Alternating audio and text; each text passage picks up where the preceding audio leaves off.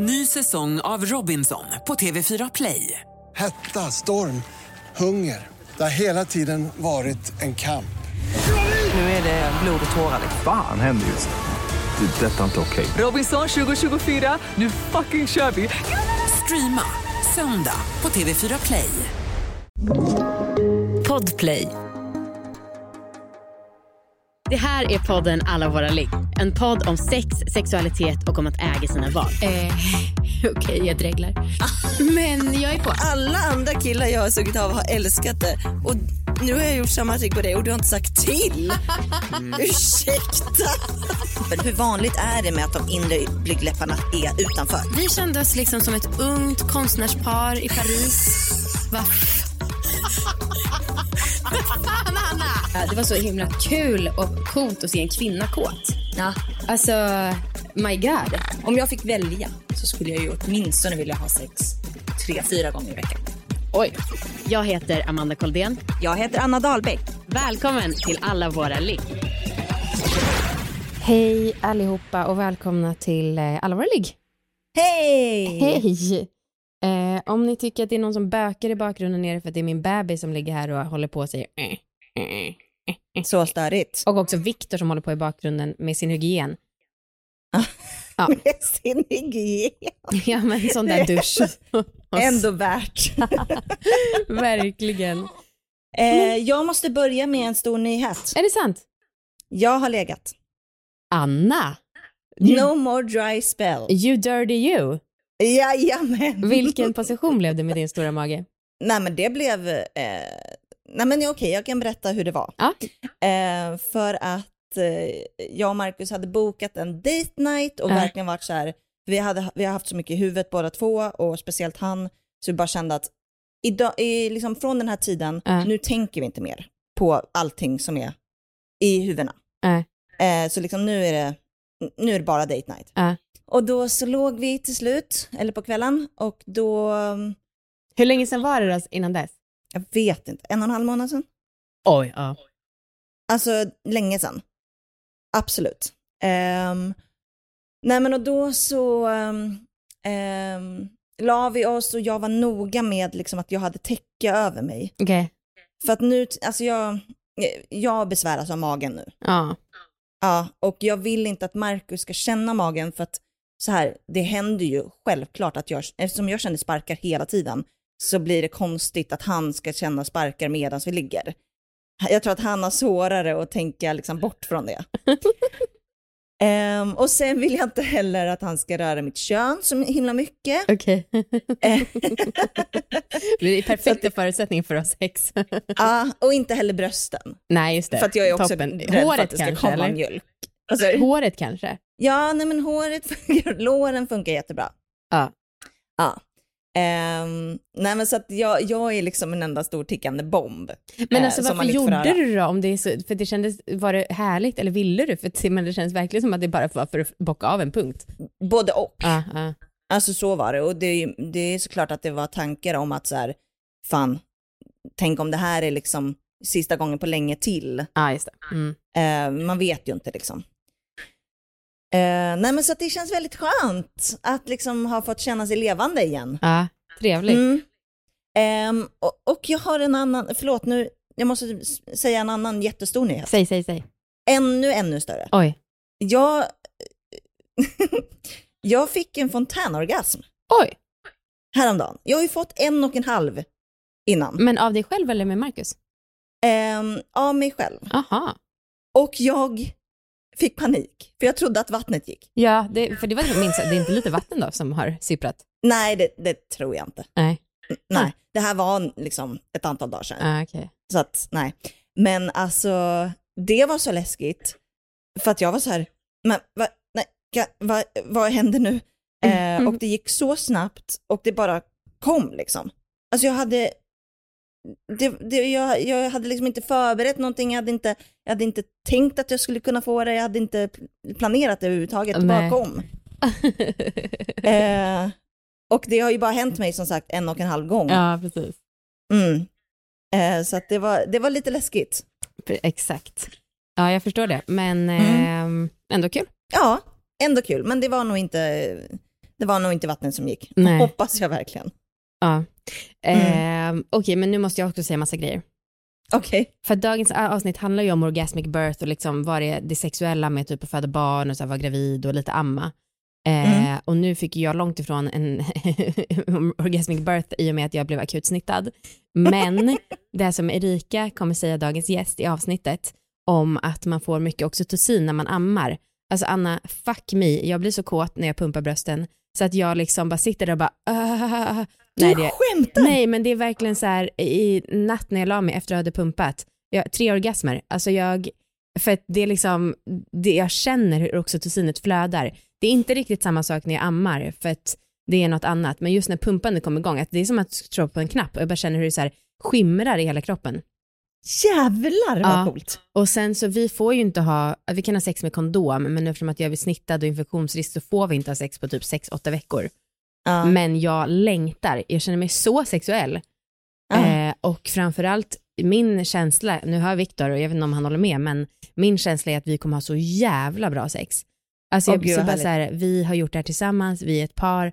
Alltså jag känner verkligen på någon primitiv djurisk nivå att han är min man och jag vill bara så här fyllas upp av honom. Eh, och det är väldigt glädjande att känna att jag har massa, massa sexlust som dock inte kommer till utlopp. Nej, men förhoppningsvis om du kan spara som på reserv. Ja, precis. Ja. Så funkar det. Men hur är det med onani? Alltså vadå, du kom tre gånger? Eller ja, jag- men klitoris får jag ju ta på, men det är bara penetration som jag inte får.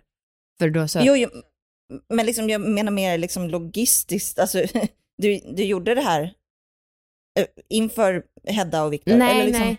Nå, nej, jag Hedda skiter i. Men eh, nu när vi är hemma så har jag gått in i sovrummet efter, för hon ligger och sover, hon sover inte med oss. Eh, och sen så på sjukhuset så var det när Viktor sov, alltså, och då hade jag sagt till honom varje gång, bara, Viktor jag blir så kåt av det här så att jag håller på att dö, jag funderar på om jag kommer lägga mig bredvid. Ja, och han skrattar ju bara så att, ja. Ursäkta, onanerar du på sjukhuset? Mm. Åh nej, det, här, det är synd att alla våra ligger ganska stor, det kommer säkert vara någon som hör det här. För det var ändå två sköterskor som kände igen mig. Är det sant? Ja, Åh nej! ja, ja förlåt, men de vet att oxytocin strömmar till. Det var inte meningen att vara snuskig, det gick jättefort. Nej. Alltså är det någon som kan göra, är det någon som kan göra onani asexuellt så är det du. Jag är supervacker och supersnygg och supersexig och Jo, men det är porrig. mer att du bara, att det är lite, lite som att här, jag måste gå och köpa mjölk. Ja. Alltså du, Men det, vad ska man göra i hela kroppen? Jag känner att det är så här, ja, det bara skriker efter att få, ja, jag vet inte. Nej, men hade jag varit man hade jag varit superäcklig. Och förlåt verkligen, men jag vet inte vad jag ska göra. Äsch. Ja. Om, alltså det är ju inte, det gör väl inget om det är ingen som såg. Nej, Alltså, det var inte som att jag ställde Nej. i korridoren och bara gist in my pants. gnuggade mot en vägg. Nej. Ja, ja du. Ja, nej men härligt. Jag hoppas, att, jag hoppas som sagt att du kan spara sexuella energin Ja. till lite senare. Jag med. Mm. Ehm, Okej, ska vi köra igång avsnittet? Yes. Ja, dagens gäst eh, är som sagt Erika Alsborn. Eh, vi kommer snacka om orgasmic birth och hon heter Erika Alsborn på Instagram om ni vill kolla in henne. Mm. Ja, vi kör igång. Ja. Välkommen hit Erika. Tack så mycket. Detta ska bli jättekul. Underbart. Vilket... jag vet inte riktigt om det är ett hotfullt skratt eller ett... Det vet man aldrig med mig. Nej, jag kände det att kroppsspråket skiftade lite nu. Och man bara, oj. Eh, Okej, du jobbar ju som sex och förlossningscoach. Din egen sexuella resa, vad, hur är den? Eh, den har varit väldigt eh, eh, spännande. Mm. Eh, och det var ju min egen sexuella resa som ledde mig in till det här fantastiska yrket jag har nu. Ehm, så jag har gått personligen från att vara preorgasmisk, jag väljer att säga pre istället för anorgasmisk, för att pre ger hoppfullhet om att man kan vara orgasmisk Ah, eventuellt. Och vad menas med orgasmisk? Alltså är för, förmågan att uppleva orgasm. Ah, Okej, du, så du kunde liksom Jag kunde förut? inte. Ah, Okej. Vilken Orgasm. ålder pratar vi? Eh, från min sexuella debut till 27, 28. Det var så pass? All right. Wow. Shit. Jättetråkigt. Mm. Ehm, till att nu idag vara komplett multiorgasmisk. Komplett som människa. Goals. Ehm, så min sexuella, eh, ja men det var väl där runt 15. Ehm, så från min sexuella debut till att jag var ja, 27, 28 så kände jag mig väldigt frånkopplad från min sexualitet. Ja. Eh, jag upplevde sex som någonting jag gjorde för andra. Ehm, och mer som en performance. Gud vad jag tror att många känner igen sig Ja, i det. skoja inte. Herregud. Typ 95, Performance, verkligen, bra ord. 95 procent Ah, av, av ah. folk. Och det är både män och kvinnor och allt däremellan skulle jag säga. Um, oavsett liksom könsidentitet och, och upplevelse så är det väldigt mycket performance. Ja. Ehm, så, så upplevde inte det som att det var en äkta upplevelse för min egen skull. Nej. Nej. Ehm, så att jag hade orgasmproblematik, jag kände mig otillfredsställd, jag var inte i kontakt med min kropp, min fitta, jag antar man får säga fitta på den här Ja, absolut. Och svära. Ehm, och min kvinnlighet och min, och min eh, femininitet eh, generellt liksom. Och nu, eh, kort och gott, så är jag väldigt förkroppsligad i min sexualitet. Men vad hände där vid 26-27? Ehm, så vad som hände väldigt kortfattat var att jag insåg att det här, så här ska det ju inte vara. Kunde du komma på egen hand? Eh, enbart med vibrator, enbart i en viss ställning, enbart liksom, Okej. det var väldigt så här, okej. Ja, så, så där var jag ändå, jag förstod ändå att jag hade förmågan men det var väldigt svårt och, det var, och jag kunde absolut inte göra det med någon annan. Ehm, Mycket och, hjärnspöken helt enkelt. Ja, jättemycket. Och inte bara hjärnspöken men också mycket brist på kunskap om hur min kropp fungerade. Eh, och oförmåga och ovilja att verkligen ta på mig själv med bara fingrar eller liksom verkligen ha sex med mig själv. Det Ah, var inte ah. någonting jag så här, bara nej, urr. Jag tycker att det är så jäkla gött att vi liksom får ett bevis på att det är så här för många. För vi vet ju alla det. Och men nu när du sitter och säger att det var ändå 27-årsåldern. För när vi pratar om det här att många kvinnor inte tycker om att ta på sig själv. Då kan jag ibland sitta och känna att folk inte tror på oss. Ja. Eh, för att det låter så himla orimligt. 27, eh, då är man nästan 30. Man är verkligen vuxen. Jobbar men med det är ju så här. i 40, 50, 60, Ja, precis. 60-årsåldern som har Precis. samma problematik och som känner såklart en ännu större sorg Ja. över svunnen tid än vad jag gjorde. För jag kände shit, det här är 12 år av mitt liv som jag har gått miste om. Ah. Alla, alla fejkar orgasmer, rest in peace. Eh, alla, all liksom svunnen tid som jag har slarvat bort när jag kunde uppleva någonting så mycket mer fantastiskt och tillfredsställande. Men 40, 50, 60 år, så att om du är äldre och lyssnar på detta så känn inte liksom att ah, det är för sent. Det är aldrig för sent förrän, Nej. förrän du dör. Men vilket fantastiskt wake-up call. Det var det, dig? så jag insåg ju att okej, ehm, det blir inte bättre, jag skäms jättemycket, uh, jag är inte ensam om detta och, och, och vad som ändrade var att jag snubblade över en, en kvinna som jobbade med detta och som hjälpte folk med det och hon hade en onlinekurs och jag köpte den. Eh, Jag fick den faktiskt i present från min mamma. Är det sant? I födelsedagspresent. Jag bara, mamma, eh, jag har hittat en kurs på internet, kan du betala? Hon Ja, det bara, var inte "Okej." som att hon gav nej, den nej, nej, till dig spontant. Men hon betalade. Så det kändes lite så nice. Gud, vad Ehm, fint. Men, ehm, så det var där allting började. Och sen eh, steg för steg, bit för bit så liksom skala av alla de här känslorna. Lösa upp de här tankemonstren och spökena och förstå att okej, jag behöver bara liksom göra grundläggande arbete med att lära känna min kropp. Mm. Ehm, och det är väldigt mycket exakt samma sak med förlossningsförberedande och f- resan till resan genom graviditet till förlossning. Det är därför det är liksom så väldigt parallellt och väldigt likadana upplevelser i min åsikt och mitt arbete. Alltså, Ja, jag, så, ja, jag så tänker jag att där. jättemånga som lyssnar som blir nyfikna på typ vilken typ, alltså om det finns några så enkla knep som du gjorde med att lära känna kroppen. Ta på mig själv. Ja. Ja. Alltså det är Men så- hur kom du över det hjärnspöket då? För du sa ju faktiskt att det var en grej som kändes obekvämt. Och jag, för vissa kanske det som en magnet. Om man så här, tar handen, magnet som stöter bort Mm. handen. Bara nej, det här går inte. Hur? Ja, alltså, det, det är ju alltid hjälpare om man har någon annan som vägleder en eh, och förstår och hjälper en förstå exakt vilka spöken som är där, kanske lite var de kommer ifrån. Men egentligen så kan man göra väldigt mycket på egen hand genom att bara börja med, liksom, börja från punkt, punkt noll. Du är här nu och här idag. När du tar på dig själv, vilka tankar får du? Vilken känsla kommer upp? Och försök känna lite under dem. Vad är det egentligen du är rädd för? Vad är det egentligen du inte vågar ta itu med eller möta? Är det att du tycker din fitta är äcklig, ful, um, kladdig? Ehm, är det att det är skamligt? Är det fel? Är det för att du inte borde göra detta för att du ska egentligen tillhandahålla din sexualitet för någon annan? Vad innebär det då när du bara gör det för dig själv, rent själviskt och för självtillfredsställande. Där, alltså att, att identifiera tankemönstren och Ja. sen se på dem, skriv ner dem, skriv dagbok, gör, gör vad som helst. Och sen titta på dem och tänk, är detta verkligen sant? Tror jag verkligen på detta? Och att göra den tankebanan själv kan få dig att inse att oh, för många är inte ens medvetna om det. Och Nej, det där medvetandegörandet leder till sen att kunna ta ett informerat beslut kring vad man faktiskt vill uppleva Ja. och vilken värderingsgrund man faktiskt har. Ja. För den är inte samma som när du var 15 eller 14 när du började kanske bli sexuellt aktiv. Eller 10 när du började kittla i fittan och du sa oh, kul. Eh, och när du är 27 eller 35 eller 40 då, då är du en helt annan människa. Ja, såklart. Och också att jag tänker att om man då har gjort den här processen med att skriva ner, tror jag verkligen på det här själv, då kan man även när det känns obekvämt och som att man får ett motstånd så kan man ändå landa i att nej men vänta, jag, det är ju så faktiskt så här jag själv tycker. Exakt. Så att man mer har det grundat Så vad kanske. man bör göra då, vad det kallas är att man reimprint eller rewire. Mm. Vet jag inte riktigt vad det heter på svenska, det är så störigt att vara svengelsk. Men, ja, men det är Ja. för att jag jobbar så mycket på engelska och utbildar. Och så.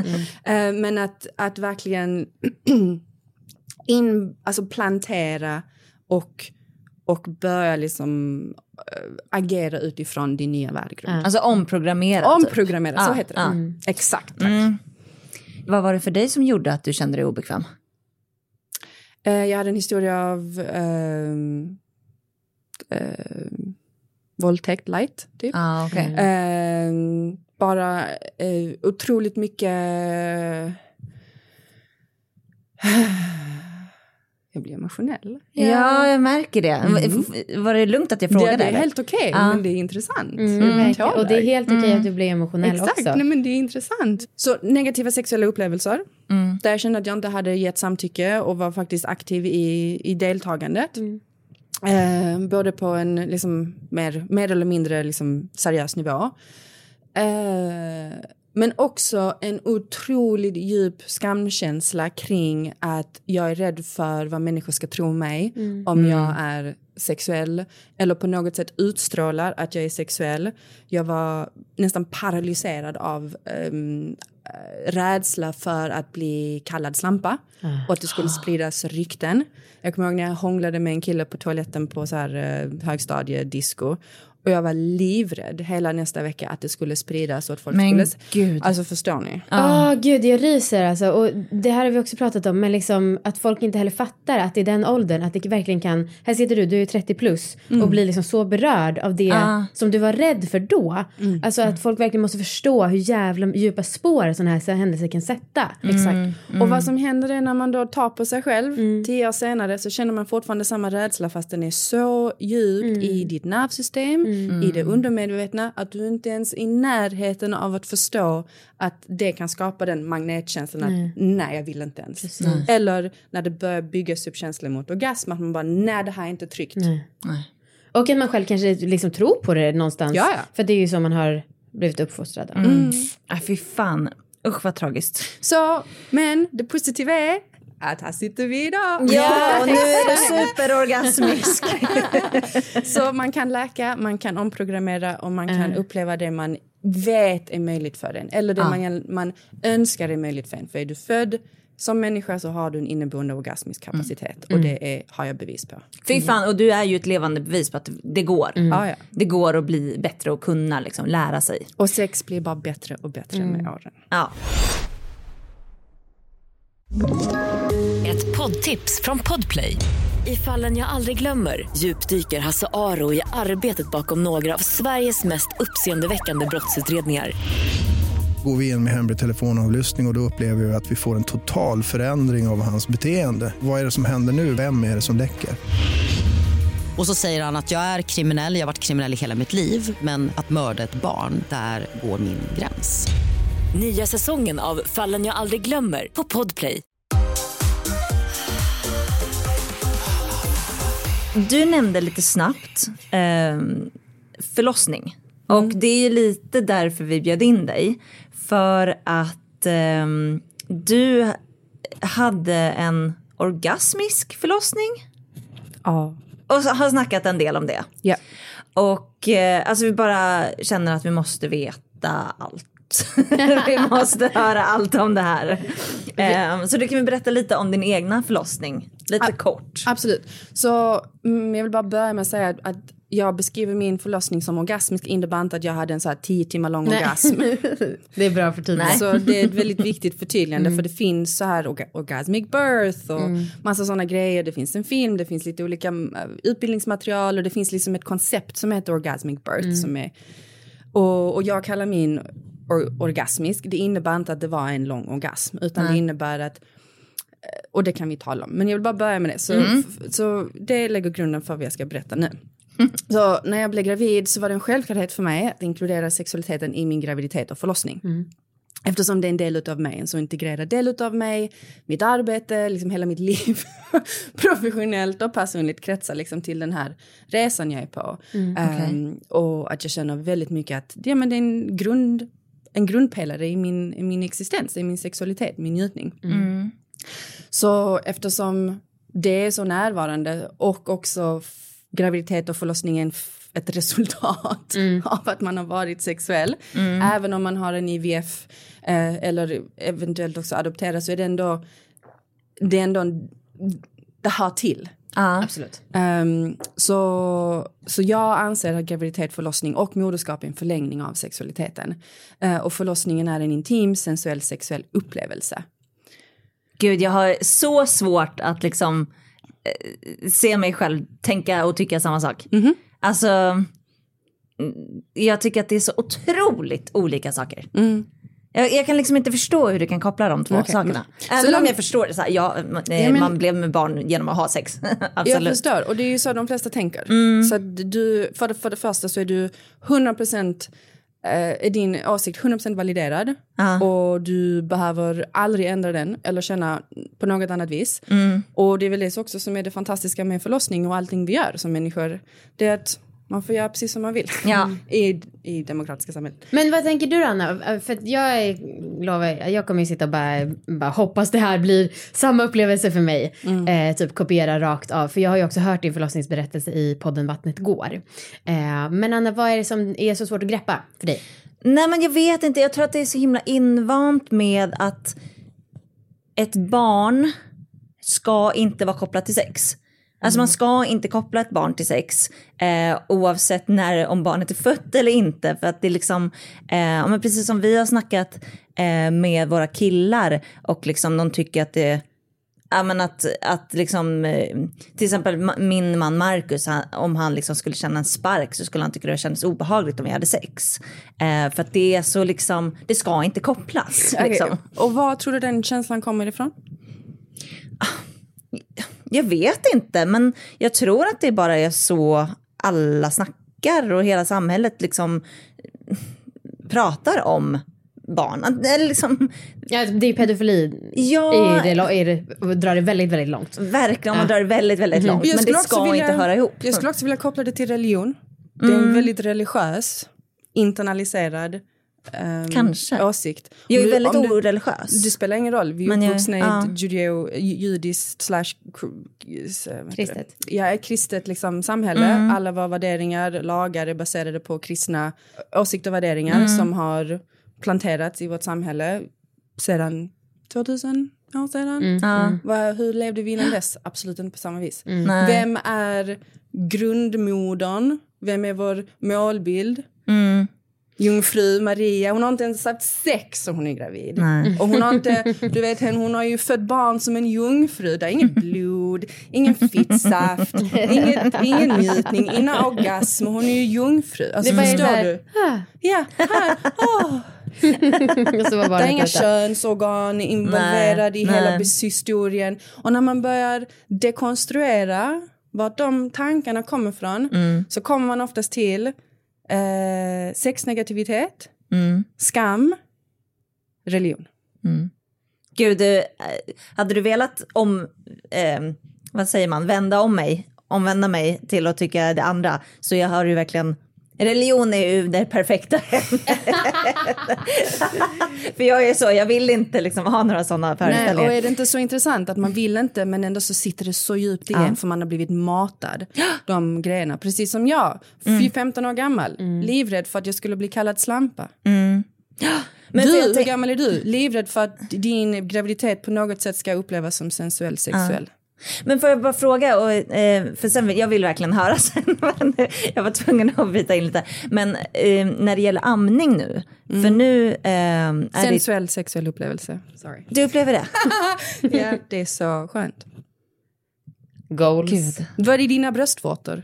Jo men de är jätteerogena och det är en väldigt sexuell zon. Exakt. Men jag vill och sen inte har att du ett barn, barn... som suger på dem tio timmar om dagen. Vad Ja. tror du du kommer känna?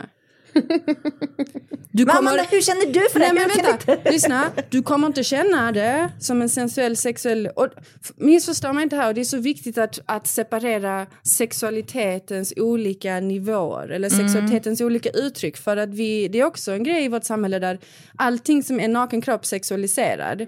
Men det behöver inte vara så, det kan fortfarande vara en... Den personen kan vara... Eh, alltså, vi gör det så komplicerat. Det är en skillnad Mm. på sexuell och erotik. Det är en skillnad på att sexualisera Mm. och att uppleva en sexuell njutning eller en sensuell njutning. Och där finns en eh, väldigt, väldigt intelligent, kompetent sex och relationsterapeut som heter eh, Esther Perel. Esther Perel på svenska, eller hon är amerikansk.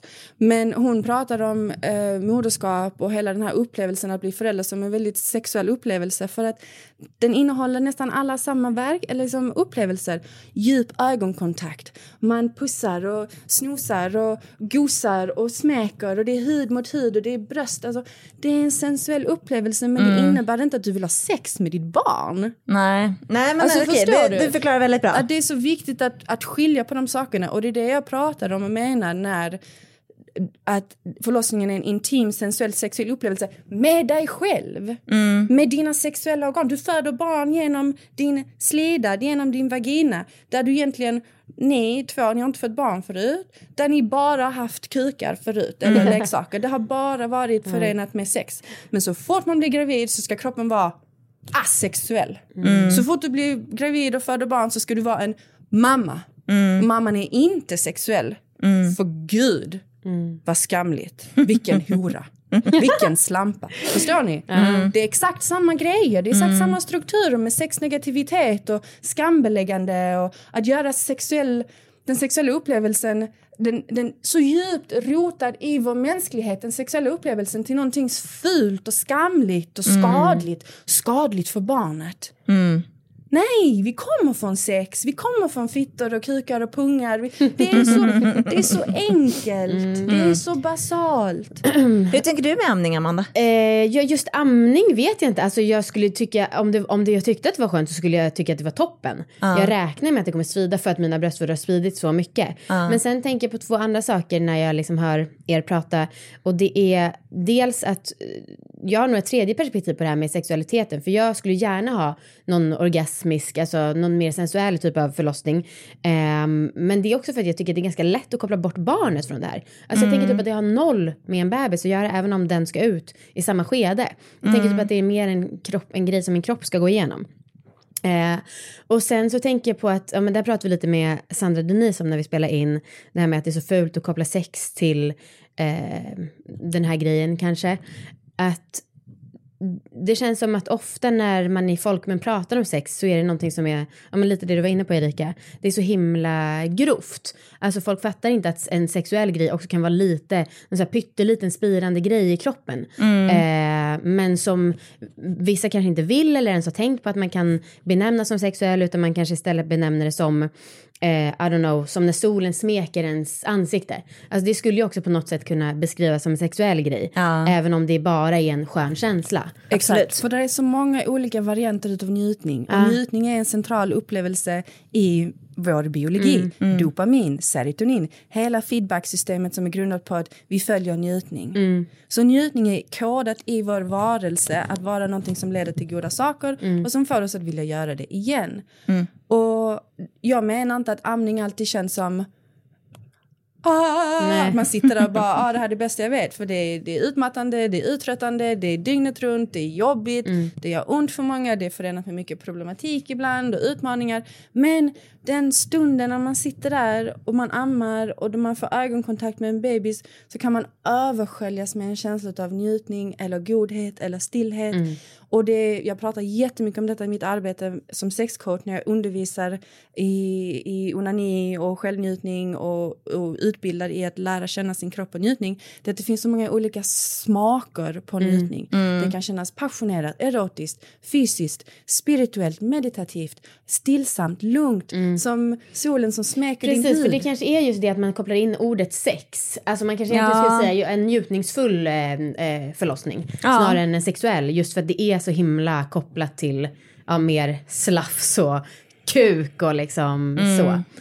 Och samtidigt så vill jag kalla det för sexuell för jag vill hellre att vi breddar konceptet och förståelsen för sexualitet än att fortsätta att göra det vi gör. Det är att lägga sex i skuggan och Ja, säga det, nu måste vi Just det. använda de här asexuella orden för så fort vi säger sex så får folk, blir folk rädda. panik. Ja. Moralpanik. Ja.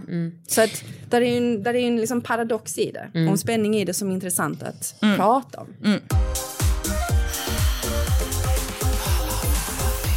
Paus mitt i allt för att vi sponsras. Av liggboxen. Och det är ju vår egen, egna prenumerationstjänst som eh, man då prenumererar på en box som man får hem varannan månad. Och eh, i juni skickades ut en box och vi tänkte att vi bara skulle spoila innehållet. Men jag vill också säga att det är jättemånga som har frågat nu när ni ska sluta med alla våra ligg, kommer liggboxen finnas kvar? Svar ja. Absolut. Den kommer köra på och vi är fortfarande delaktiga i den så att om ni köper den så stöttar ni oss i våra framtida liv. Ja, och vi slipper göra alla prenumeranter besvikna. Ja, eh, vi kommer precis. fortsätta som vanligt. Okej, juniboxen. Den finns fortfarande i lager. Det gör den. Och en av grejerna som jag tycker är en favorit, det är eh, Anna, du som egentligen har propsat för att den ska vara med. Men nu när den är med, då vill jag ta åt mig äran. Eh, det är en eh, dildo som är en glasstav. Ah. Alltså inget elektriskt, utan typ som ett konstverk, fast som är en sexleksak. Och det är helt okej att du tar åt dig äran. Ehm, Vad bra. För att jag, jag har också varit lite tveksam till om man gillar liksom vanliga dildos, liksom, där det inte händer något annat, där det inte är vibration. Men alltså, ja, jag vet. men den här staven som är ju ganska tung eftersom den är i glas, den är Ja. helt otrolig. Ja, jag tänker också att det är ju ganska många faktiskt som prenumererar på liggboxen lite längre än vad vi trodde, typ ett år i Mm. sträck. Mm. Och eh, då så kanske det är kul med den här omväxlingen med lite mer analoga produkter. Ja. Eh, och jag som har, ja, vi som har båda liksom utforskat G-punkten under årens alla lopp och så, det här känns liksom lite next level kanske. Absolut. Och jag Mm. som alltid är varm av mig, tycker Just att det är otroligt problem. att ha Jag en orkar inte glasstav. med det problemet. Nej men det, jag tycker att det är otroligt att ha en glasstav för att den blir ju liksom lite kall. Ja, det är Sen så kan man ju värma den också såklart. Man kan lägga den i något varmt vatten och så innan. Det. Ehm, förutom glasstaven så har vi också en klitorisvibrator. Ifall man skulle Ja. känna så här, nej, vibration, vad fan, det måste jag ha. Jag klarar mig inte annars. Nej. Eh, och eh, vi har en superhärlig från ett märke som heter Romp som är, ja men den liksom sitter på plats och det tycker jag framförallt är viktigt. För jag vill liksom inte behöva känna att jag måste hålla i hela tiden. Nej, Jag vill liksom precis. kunna du tycker den är lägga, perfekt anatomiskt utformad. ja men precis. Eh, jag vill liksom Mm. kunna lägga den på könet och sen så är den där och gör sin grej typ. Yes. Mm. Och sen till sist då är det en grej som är en kombinerad fjäder och piska. Alltså så man kan spänka lite och man kan också kittla lite härligt. Två i en. Absolut. Och eh, det här kommer som sagt ut i juni men den finns fortfarande i lager så om ni vill prenumerera så går ni in på liggboxen.se och så gör ni det nu förslagsvis. Får jag säga en liten till grej? Mm. Dels att det var en som skrev på Instagram, gud vilken perfekt mix. Det här hade jag aldrig tänkt på själv, men när det kom till mig så kände jag bara wow. Och sen också att vi brukar ju uppmuntra folk att använda liksom, produkterna utanför boxen och typ, även om man har en kuk kan man använda sakerna. Men den här gången tycker jag att det här är för female pleasure only. Ja, och det är nog ingen som klagar på det. Hoppas inte. Okej, men tack till oss själva och tack till er som köper. Tack! Ett poddtips från Podplay. I fallen jag aldrig glömmer djupdyker Hasse Aro i arbetet bakom några av Sveriges mest uppseendeväckande brottsutredningar. Går vi in med hemlig telefonavlyssning och, och då upplever vi att vi får en total förändring av hans beteende. Vad är det som händer nu? Vem är det som läcker?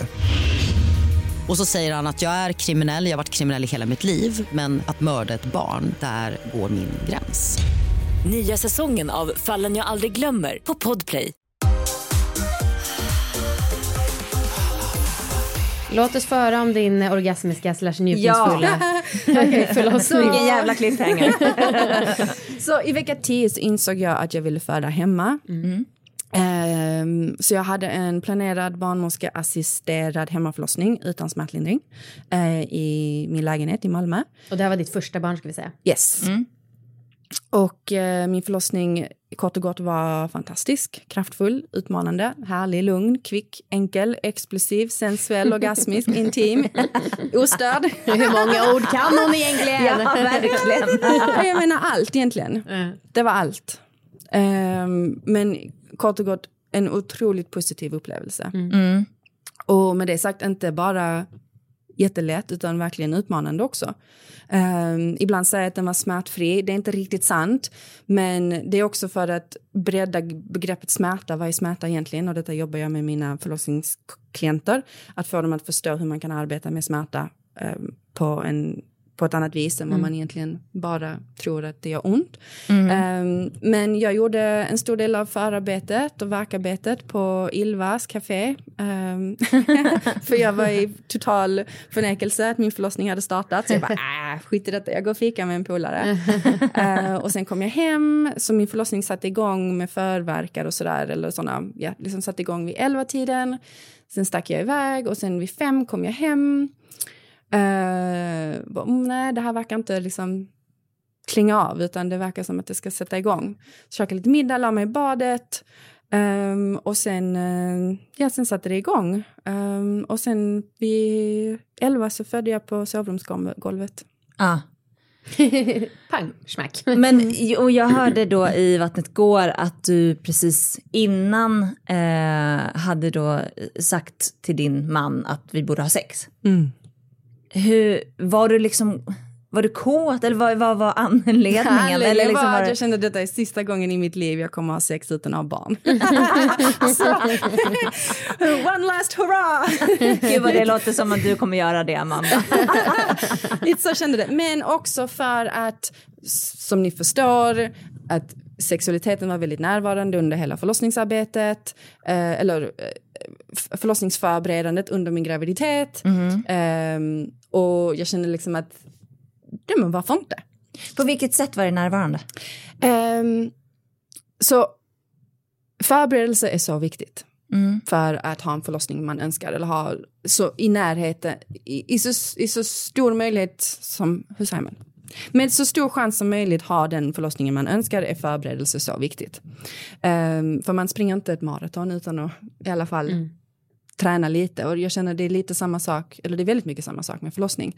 Ehm, och man kan och borde förbereda sig. Och sexuella övningar och verktyg eh, som jag använder och som jag experimenterade på mig själv och nu med stor framgång jobbar med mina förlossningsklienter med är så kraftfulla för att ha en positiv förlossning. Så att, använda med, att, att, förbereda sig och använda sig av andning, eh, läte, energi, fokus, intention och att för, för tänk så här, om du är en sån som har magnethanden bort från din fitta och sen ska du föda barn genom din slid, slida och vaginal kanal och du känner att det är en djupt undermedvetet tabu kring din, din, dina sexuella organ kommer du med enkelhet kunna bara så slappna av och vara naken i ett rum med andra människor och ha en 10 centimeters huvud flöda genom din, din Mm. fitta. Med störst sannolikhet på ett undermedvetet plan så kommer du kontrahera dig. Och vad händer där- när man kontraherar sig?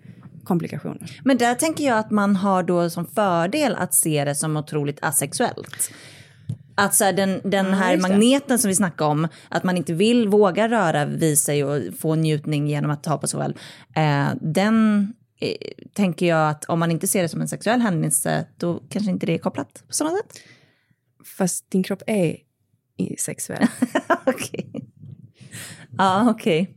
Det är det som är grejen. Den ska genom din fitta. Du kan inte avsexualisera din fitta bara för att det är ett förlossningsrum. Jo, eller jag tycker det. För att så här, jag kan avsexualisera min fitta när den kissar. Det är noll sexuell upplevelse för mig. Ja, jag Så, fattar. ja, för, ja, du har rätt till viss del.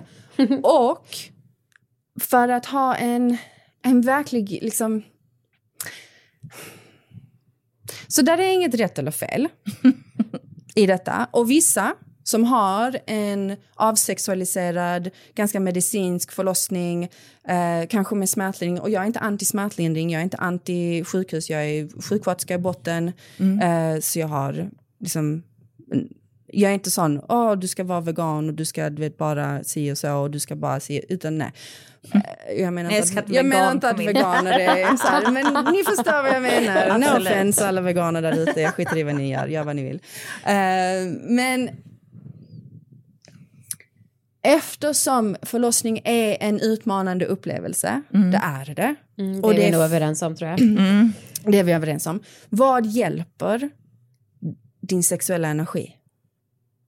För det är samma hormoner i sex som det är i förlossning. Mm. Och det är därför på ett biologiskt, kemiskt plan i din kropp är förlossning faktiskt en sexuell upplevelse. För att det är samma hormoner. Det är oxytocin. Just det, men det får du inte när du kissar. Exakt. Och det är därför du kan fortfarande, och jag menar inte att du ska ligga på en förlossning, du vet så på Södersjukhuset eller vad ni nu än planerar och du vet så här pulla dig själv och ta med alla dina dildosar och du vet köra med din womanizer och ha din man stående där med erektionen redo när du, nej det är inte så. Nej. Igen, det handlar inte om att göra, alltså det handlar om en, en smak av din sexualitet som får dig känna att okej, för det är en naken upplevelse, det är en intim upplevelse, det sätter igång dina sexuella hormoner, det ska ut genom din cervix, din slida, din vaginala öppning. Och om vi gör den så, så avsexualiserat som möjligt så är det i alla fall en väldigt intim upplevelse. Mm, mm. Ja, ja, gud ja. Och för att hantera alla den här intensiteten, sammandragningarna. Det är blodigt. Det är, det är liksom en väldigt...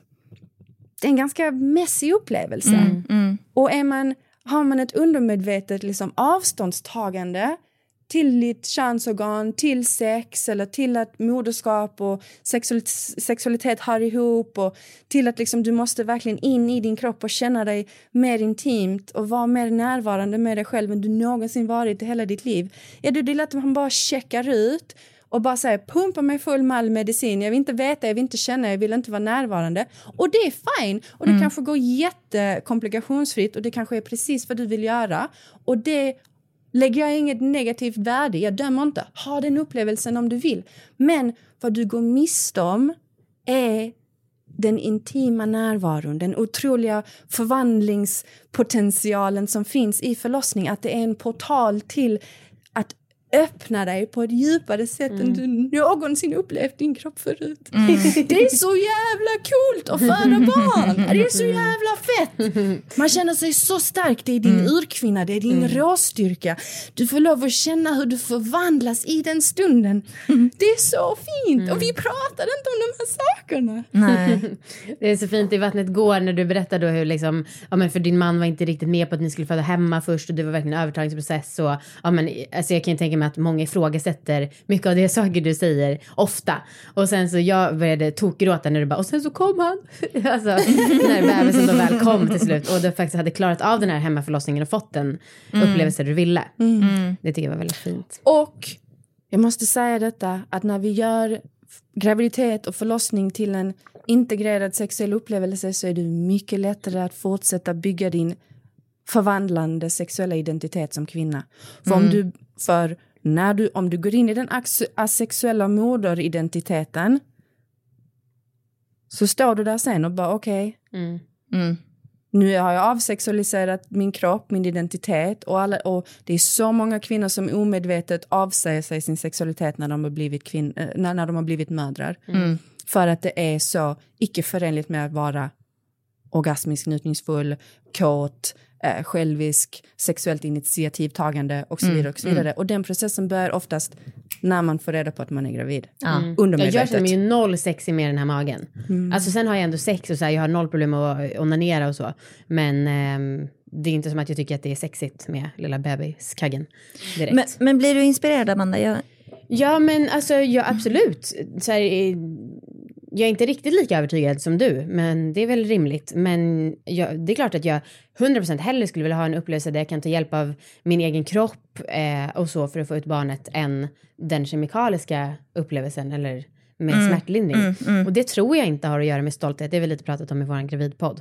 Mm. Eh, utan det tror jag har att göra med för att jag tror att det blir en bättre upplevelse som jag minns på ett härligare sätt då. Ja.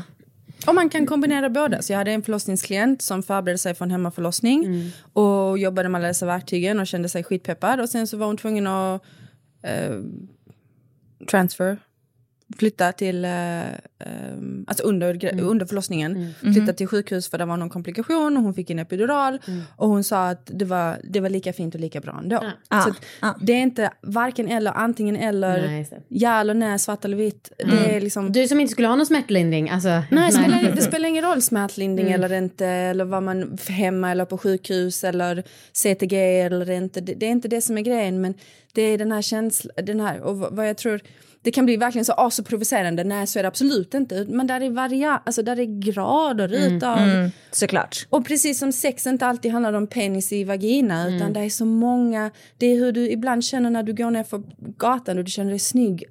Lite Mm. så här, Mm. det är umf liksom i dig Mm. och, och, och så många olika varianter utav det. Eh, men och du då, Anna, vad tänker du? Ehm, nej men jag tror att jag liksom eh, landar lite i att så här, eh, vi har så otroligt olika syn på vad sex är. eh, och att det är ofta, det känns ofta som att det, man landar i det när man snackar med olika människor eh, som har ja, men olika liksom, tro som du har. Ehm, ja, men, till, ja, folk som man har snackat med som håller på mycket med tantra. Och, ja, men, så här, det, man landar ofta i att man har så olika bild av vad sex är. Ehm, och jag vet inte, jag har väl en väldigt liksom, oh, liksom en ganska snäv bild av vad sex är. Eh, för att va, när du säger liksom, eh, när vi pratar om eh, ehm, typ, vad heter det, oxytocin, så tänker jag men det är massage, det har ingenting med sex att göra. Eh, det kan man lika gärna få genom en massage. Men och när du säger eh, liksom att solen kan smeka din kind, alltså, så, det kanske räknas som sex för någon annan. Ja, det tycker jag räknas. absolut inte räknas som sex. Nej. Ehm, Men det är inte heller, man jag- måste räkna vad sex är. Alltså, Men det är skillnad på sex och sexuell energi. Eller sex och en sexuell, liksom en förlängning av din sexualitet. Det är skillnad på sex och sexualitet. Jag tänker Det, att det vi- handlar så mycket om definition, nu är vi inne på så här definitionsnivåer. Verkligen. Och det är okej, och det är ju så, det är därför vi är så sjukt olika. Det är därför du klär dig som du gör, eller vet jag och smink. Och alltså, det är ju så hur man definierar sig själv, hur man definierar livet och vad man tycker om. Och det är helt okej. Jag försöker aldrig omvända någon, men om detta, om någon som lyssnar på detta, om det tilltalar någon som lyssnar på detta och känner wow, Troligtvis. Kan troligtvis, mig. då kan det ge dem tillåtelse att utforska det och söka fler resurser och böcker och liksom förvandla sin förlossningsupplevelse till, eller förbereda sig inför och liksom, önska en förlossningsupplevelse som ligger i linje med vad de önskar. En av mina bästa vänner sa du är dum i huvudet. De flesta av mina kompisar, familj, alla sa du är dum i huvudet. Varför ska du föda hemma? Vad håller du på med? Vad är det för fel på dig? Min man sa över min döda kropp. Vad sa din man om liksom hela det här att, att det skulle vara liksom en sexuell upplevelse? Men nu i efterhand sitter jag och säger det här var en sexuell upplevelse men i stunden och i förväg så sa jag inte oh, du vet, man nu ska vi ha en sexuell förlossning. Alltså, du vet, men man, man beskriver det i, i efterhand eller måste, man måste ju på sätt och vis liksom sätta ord på. Håller han med? Ehm, alltså, Kanske inte var lika mycket han för födde honom. inte men- barn. Nej, precis. Det var, mm, nej, det var inte en sexuell upplevelse för honom. Han hade nog mest bara panik, ångest och stress. Hur fan ska det gå liksom? Han var rätt, det var en stor upplevelse för honom, men men den var inte sexuell. Nej, nej. Men Jag tänker att vi måste hinna med några mer så här konkreta frågor för vi måste snart avsluta. Eh, men en sak som du sa i vattnet går har jag för mig var att du såg av din man för att öppna cervix. Mm. Berätta. Okej, så det är så här. Du kommer säkert inte tro mig. De kollar på mig alltså. Eh, men det är så här att eh, cervix, alltså livmoderhalstappen och halsen är kopplade till varandra neurologiskt och energimässigt. Eh, och liksom hela vagina också. Så det är utifrån denna kunskap och förkroppsligade liksom, vetskap som jag ville prova att använda oralsex för att hjälpa min cervix att dilatera, det vill säga öppna sig. Och mycket riktigt så funkade det. Ah. Um, så att det var klockan runt sju eller halv sju, något sånt. Så jag hade ju redan gjort ett gediget liksom, förarbete, eller min kropp. Och min förlossning var ju, liksom började etablera sig som verkligen att den var igång. Och då sa jag till min man, jag vill ha sex en sista gång, det här känns jätte liksom, positivt och intimt. Och, och också för att, fantastiskt att vårt sex skapar ett barn och, och liksom sexet, att det finns med som en Återknyta. en, Mm. exakt, liksom Mm. lite så här knyta så. Och så, för att värma upp och förspel och så, så, och jag hade sagt till honom innan, jag vill suga av dig för att öppna cervix. Han Mhm. bara, okej fine, jag har inga problem med det. Gör det. Ehm, så, så då gjorde jag det och jag vet inte hur länge, men liksom en bra avsugning. Ehm, och som, på, så, som ett brev på posten så släppte min slempropp och sen boom satte min förlossning riktigt igång. Ha. Det kan vara rena rama slumpen. det det kan vet man ju aldrig med dessa saker. Nej. Men eh, jag är inte den enda som upplevt det. Det är många andra inom den Och här... liksom, placebo här- är den, den bästa effekten som finns. Exakt. Det stämmer ju verkligen. Och som gör väldigt många läkare väldigt Mm. förbannade. Eh, och sen då om du... Just saying. Eh, men för du körde väl också lite onani under processen? Så med onani, det kan man också, vad, är, vad definieras som onani? vad definieras som självnjutning? Här är vi inne på det igen. Ja. Men jag smekte min kropp. Ja. Jag smekte mina höfter. Mm. Jag gjorde liksom långsamma, medvetna höftrörelser Mm. som jag kan nu göra och få orgasm från. Mm. Bara genom att inte ens ta Mm. på min kropp. Shit. Jag kan få orgasm bara genom att andas. Så expandera din förståelse av vad sexualiteten är så förstår du också sen att, att förlossning kan vara... Alltså då är det mycket enklare. När man förstår hur bred och djup sexualiteten är så kan man också lättare få plats med förlossning i den. Ah, ah. Så. Eh, Men så mycket, mycket sj- sj- självkontakt och ta på mig själv under hela. Mycket smekning och, och ta på mitt underliv under förlossningen. Inte på ett så här, åh jag ska ligga här för en orgasm liksom. Men intim, sensuell beröring. Eh, vid ett tillfälle så satt jag på knä på golvet inne på sovrumsgolvet. Eh, och, jag, och jag lutade mitt huvud tillbaka och jag sa till min man, herregud det känns som att jag, jag kommer. Alltså jag kommer. Jag Mm. får orgasm i hela min kropp. Det är ingen som har sagt det till mig. Varför pratar vi inte om detta? Nej, som för ett det har man ju också hört vissa som tycker att det är lite skönt skäms väldigt mycket för Ja. att det är så otroligt unheard of. Exakt. Och det är så viktigt att vi också har positiva förlossningsupplevelser. Mm. Gud, För ja. vad, vad har vi annars som referensram? Mm. Ja, men det har vi snackat om en del att mm, folk som har haft jobbiga upplevelser är ju väldigt bra på att snacka om dem för att Mm. de behöver det också. Men eh, så vi har ju snackat en del om att det saknas en positiv bild av förlossning. Man tänker ju att det kommer vara liksom en Mm. Liksom, Helvetet. Ett helvetet på jorden verkligen. Ja, och det är det Mm. inte. Nej. Det är verkligen inte det. Det kan vara portalen och öppningen till Mm. himmelska, himmelska känslor och energiupplevelser i din kropp. Jag tror att jag har en sista fråga. Okej. Du, när du mejlade oss så skrev du att eh, uppfostra ett barn är fan mycket jobbigare än att få ut det. Ja. Hur är ert sexliv nu när ni har en tvååring? Eh, bättre än någonsin. Bättre än någonsin. Ja, härligt. Trevligt att höra. Mm, Grattis. tack. Men, alltså vi jobbar ju för det. Ja. Ja. Precis, det är Inget kommer gratis. Inget- effort. Nej. Och Nej. ni prioriterar det. Och vissa kanske inte vill prioritera. Exakt. Äg dina val! Wow! Tack snälla Erika för att du kom hit idag. Ja, tack snälla. Tack så mycket. Och eh, tack för att ni har lyssnat. Verkligen. Eh, Erika hittar ni på Erika Alsborn, eller att Erika Alsborn. På Instagram till exempel. Ja, till exempel. Hej då!